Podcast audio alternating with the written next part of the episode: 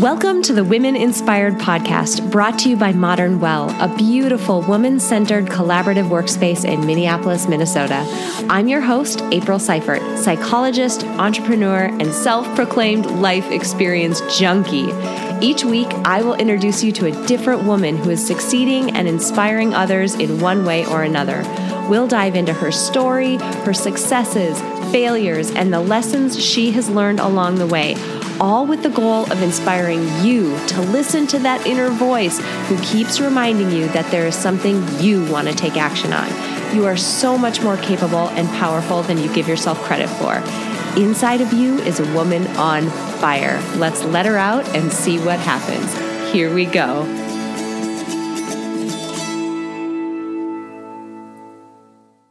What's up, everybody? Welcome back to the Women Inspired podcast. My name is April Seifert, and I am your host. And I'm so glad you showed up for today's episode because it is going to be a short but very powerful episode. So, I'm releasing this on a Friday, which means there's no guest today. So, my Wednesday episodes uh, always feature an inspiring woman as a guest. But today, I wanted to spend a few minutes diving into a topic that is extremely impactful and can literally change the way that you experience your daily life. I'm not even exaggerating. Today, we're going to talk about our addiction to negativity. So, before I dive in, let me start by telling a little bit of a story. So if you follow me follow me on social media, you know that I am knocking on the door of the third trimester of a pregnancy. And you know, with pregnancy comes what feels like an unending slew of ups and downs and body changes and mindset fucks and totally unexpected surprises at almost every turn, it seems like. Well, I recently gave a talk to a group of women in data science. I work in the field and it's still a pretty male dominated field. So I spoke to this group of women about my experience and I led them through an exercise to rid them of self limiting beliefs. Now, the venue was a pretty restaurant in the Minneapolis area. And as I was standing at the front of the room, I was getting, you know, my notes in order and my presentation in order. And I was looking all pregnant up there. And a server came up to me, and here's how that conversation went. She said, Can I get you a glass of water? And I said, Yes, actually, that would be great. I'm about to speak for about an hour or so, and I think I'm going to need it. So thank you. And she had just this most concerned face. And she replied, Is this your first pregnancy? And I said, Nope, it's actually my second. And she had just this devastated face. And she said, Oh my gosh, that is the never ending pregnancy. Doesn't it feel like it's taking forever? And I looked at her and I said, Well, actually, I've been so busy with my daughter and my businesses that I'm kind of losing track of time and it's flying by, and I'm afraid it's actually going to be over before I know it. And then she paused for a second and then she dug back in. She said, Well, how old will your daughter be when this one is born? And I said, She'll be about two and a half. Same devastated face, same just shocked look on her face as before. Oh my gosh, two kids in diapers. How will you ever manage? And I said, I think we'll do okay.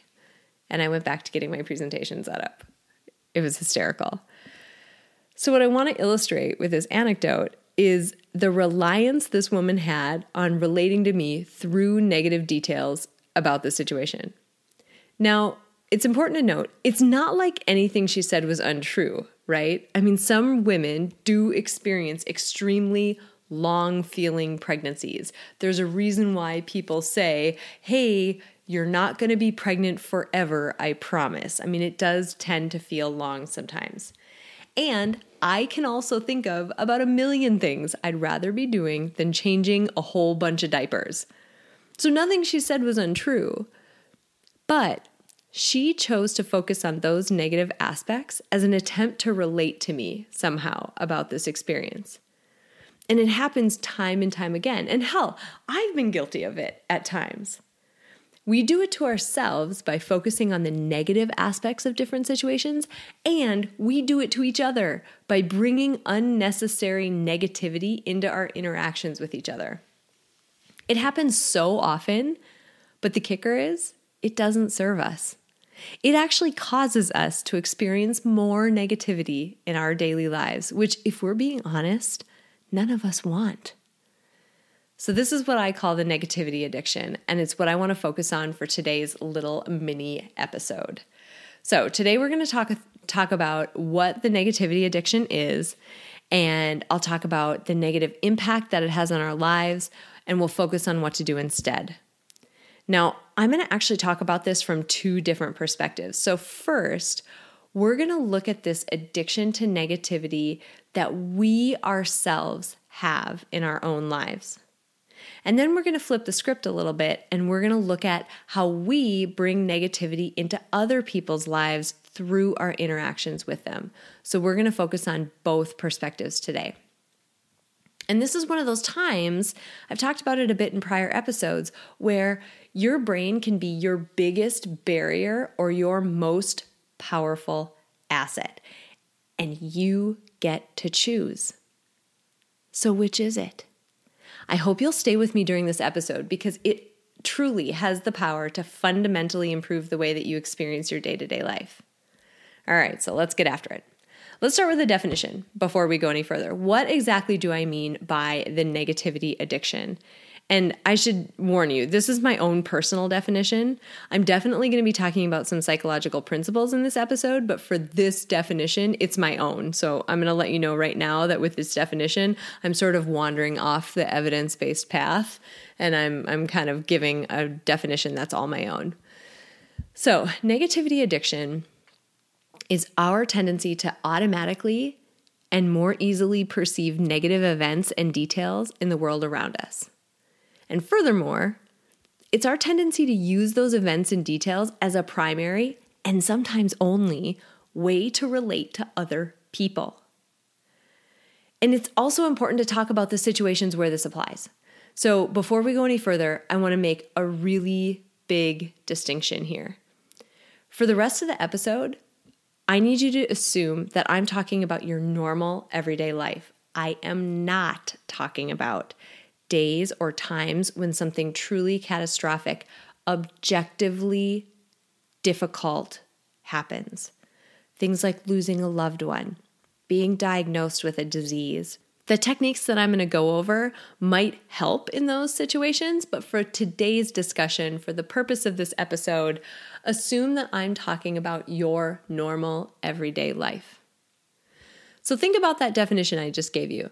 And I'm certain when you do, you can think back to a time when it occurred in your own life. Hell, I've been actively working on combating it for so long in my own life that I now see it everywhere. I bet I could name five times that it happened yesterday alone. And the problem with this, again, is that it does not help us live our most happy, fulfilled lives. And that's where I want to dive in now. So, you've probably heard people talk about how, you know, the perception you have about something is everything. The attitude that you choose to have and the things you choose to focus on in any situation will shape your perceived experience in that situation. I'm going to say that again. The attitude you choose to have and the things you choose to focus on in any situation will shape your perceived experience. And it's true. Your brain has an incredible ability to goal seek. If you give it a goal or you give it something to look for, it's going to be incredibly good at finding it. And it all goes back to a psychological phenomenon that I talk about so often on the podcast. Your brain, and here we're talking about like the reptilian caveman part of it, it's a total creature of habit. Its goal is to keep you alive and keep you moving through your life while expending the least amount of energy possible. It is lazy. And we all know that the more you practice something, the more it becomes habitual. And habits are easier to execute than things that we have to think hard about. Now, I'm pretty sure you know where I'm going with this. The more you focus on negative things in your life, the more you are going to automatically see them. And the more you see them, the more negative your overall life experience will seem. And who in the hell wants that, right? The good news is that there's something you can do about it. If you flip the script a bit, the more you intentionally force yourself to look for the positive, to look for things to be grateful for, to focus your thought and energy on those good things, the more your brain's habit will change. It is like changing any other bad habit. You're going to work hard in the beginning, but soon muscle memory is going to take over and it's going to become more and more automatic and easier and easier over time. And this is something that I've been actively doing in my own life for the past couple of years. And let me tell you, life is fundamentally different when each day seems more positive. This is why things like, like vision boards and gratitude journals, this is why they work. They intentionally give your brain a goal to go after, and eventually your brain forms a habit and begins to be really good at finding that goal. Now, I want to take a pause here and say what's up to the naysayers because I'm I'm sure there's some out there. And I can hear you saying already if you haven't already shut this episode off and haven't gotten to this part, but whatever. I'm going to address you any, address you anyway. I can hear you saying, isn't all of this a bit Pollyannish? I mean, bad things do happen, and this is like super unrealistic to be just focusing on the positive, right? So I'm going to respond to that by using an analogy because I think and love analogies. I use them all the time. And the analogy I'm going to use is basketball, which I barely know how to play, by the way, but it's a good analogy anyway. there is a difference in basketball between free throw practice and a game. Practice develops muscle memory. Practice develops a habit, if you will. Now, just because bad things happen in life does not mean those are the things that we practice outside of the big game. Your mindset practice is exactly that it is a practice. Life, as it's unfolding, that's where the big game happens. So, just because bad things happen in life the barista gets your Starbucks order wrong and someone cuts you off in traffic and your coworker is annoying again. I actually have really good coworkers, so I don't relate to that one right now, but in the past, that was the case. Your kids have a particularly needy day.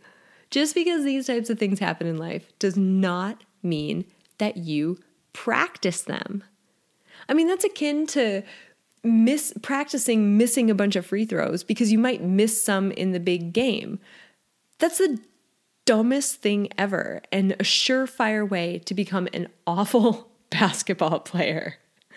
Instead, you should train yourself and when you're you know shooting free throws in a practice, you're training yourself to find that basket as much as possible to minimize the likelihood that you're going to miss.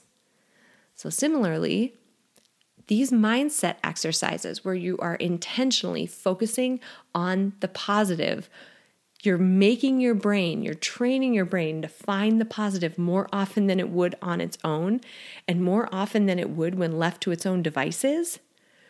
Those are exercises similar to free throw practice. So, here's what to do force yourself to intentionally find one positive thing every single day, every day. Take one beautiful phone or photo on your phone. Write in a gratitude journal. Call one friend and give them a compliment. Do something every single day. And I want you to do this practice every single day. These are your free throws. Then, once that becomes habitual and easy, I want you to up the ante and increase the amount you're practicing. Your outlook is going to change. The way you experience life will change. Now, there's a variable in all of this that you can't control. I mentioned at the beginning of the episode that I was going to talk about this topic from two perspectives. Well, the second perspective is that other people in your life who you can't control, they'll bring negativity to you through their interactions with you. The pregnancy anecdote that I gave with the server, you know, before the talk that I gave, that's one great example. I can't control what she's going to say. I can't control the fact that she's going to keep going back to the same negative things and search for them in an attempt to just try to make a connection with me. And I'll give you an another another anecdote just as an example. If you follow me on Instagram, you know that my family is in the middle of a really massive kitchen remodel. I mean, not even not even exaggerating. Like 25% of our house has been completely demolished. We don't have any appliances. Our house is covered in a thick sheet of dust.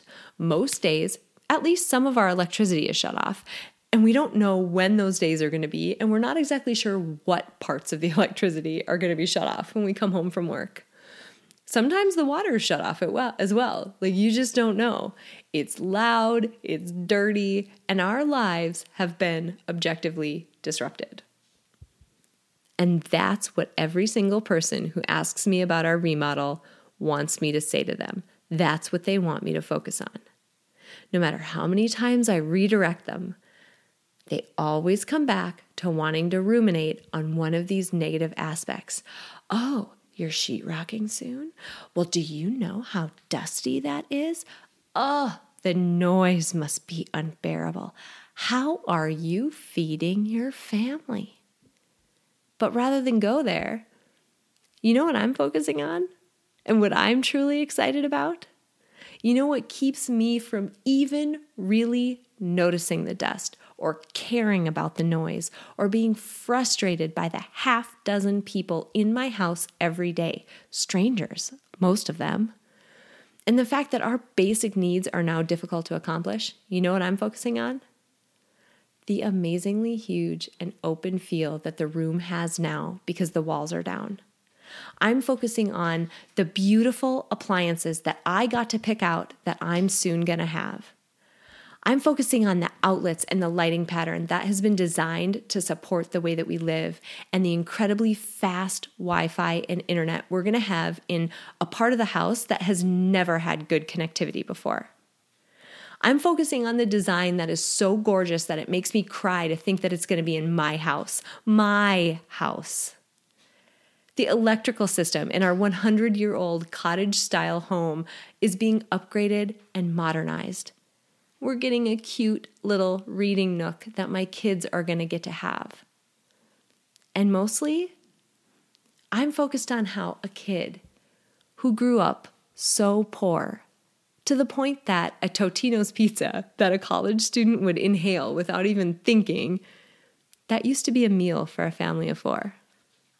That kid, me, is now in a position to be able to comfortably afford a multiple six figure remodel. Let that sink in. There's some gratitude behind that, man. So, hey, strangers, you want me to focus on the negatives? No, I can't do it. There are too many positive things that crowd them out. I can't and I won't do it. And no matter how many times you try to divert our conversation back to the dust, the noise, or the inconvenience of it all, I'm not going there. I'm not going to bite.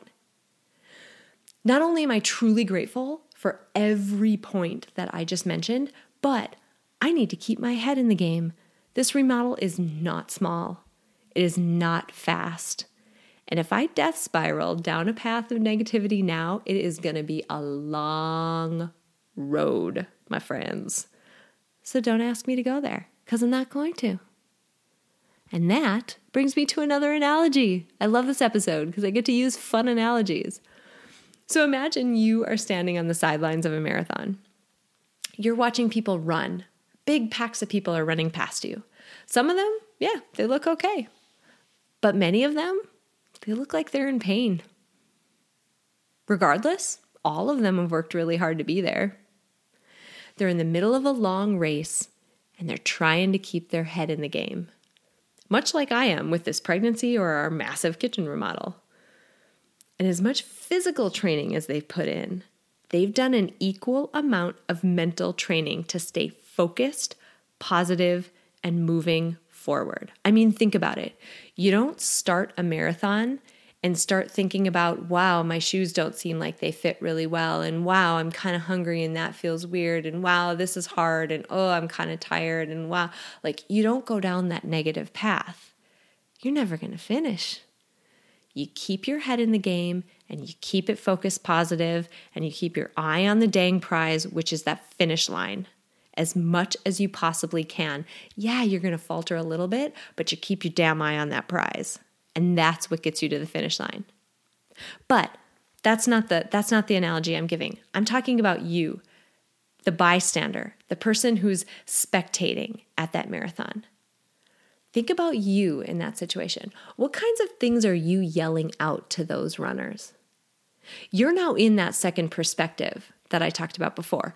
You can bring either positivity or negativity into those people's experience. So, what do you pick? Do you say positive things? You look great. Keep going. You're going to make it. You are so strong. Or do you do what so many people do in other analogous situations? Do you go to a negative place? Doesn't it hurt? Isn't this hard? It's only going to get worse, you know. Or the kicker phrase that makes me want to punch someone every time I hear it you just wait until you hit that hill coming up. You think it's hard now, you just wait until then. You'll really want to quit. When you take these negative comments, these negative, like, second perspective comments out of the context of normal everyday situations, you can see how awful and damaging they can be. Right? Like, you wouldn't dream of telling a marathon runner how awful they're about to feel. Yet, we don't bat an eye at telling a pregnant woman, oh, you just wait. You think you're tired now. Just wait till that baby gets here. You're not going to sleep at all. Or, you think you hurt now. You just wait till labor when I went into labor, and then they insert their crazy horror story. The point that I'm trying to make is that your words matter. The positivity or negativity you put out into the world, it matters. It matters to the people around you who are doing their best to keep their mind in check and stay above water. Now, let me address the naysayers one more time. Maybe some of you are still here. I don't know. When I've confronted people in this secondhand perspective, they tend to say things that fit into one of a couple of categories. First, they'll say things like, Well, I'm just being honest. Or they'll say something, second, they'll say something like, Well, she needs to know what it's really like. Now, I ask you this Would a good coach say the things you're saying to one of their athletes, a good coach? No. They'd say, Sure, it might be hard, but that's why we're training. It's tough, but you are tougher. You can do this, and I'm here to support you. It's fundamentally different. Now, I'm not going to be here armchair psychologist and tell you why I think you might be compelled to go down a negative rabbit hole with people. I have my theories, but that's not the focus of this episode. Instead, I'll say this. Instead of dragging another person down with you, do two things. First, ask yourself why you have a tendency to go there. Why is it that that is your habitual reaction? And do you think you might be able to benefit from some of the mindset training I went over in the first half, half of this episode? And second, I ask you to just simply ask yourself how you can offer support instead. All right. I really, really hope that you hung with me through this entire episode because ridding yourself of the negativity addiction is something that can seriously change your life. Your brain will seek out whatever goal you give it. And if you tell it you want it to find you negative things because that's what you focus on and that's the habit you've cultivated, guess what? It's going to find it. However, if you work hard, if you intentionally change your focus to be more biased toward the positive aspects of life, it doesn't matter how small, your brain is going to learn a new pattern and it's going to start working in your favor. So, in closing, I want to say one last thing, and I want to remind you of it. Your mind can be your best asset or your worst enemy. And the choice is yours, my friends. Which one do you want?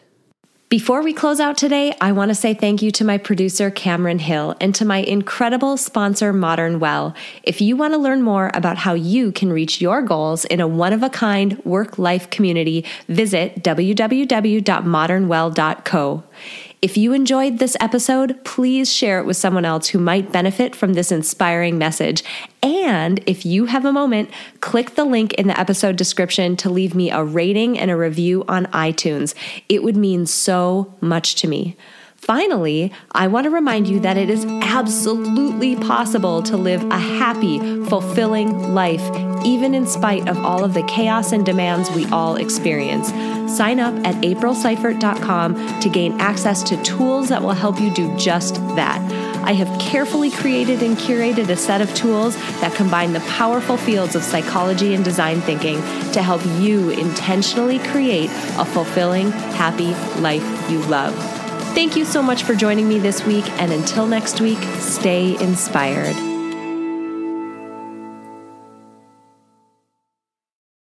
At Parker, our purpose is simple.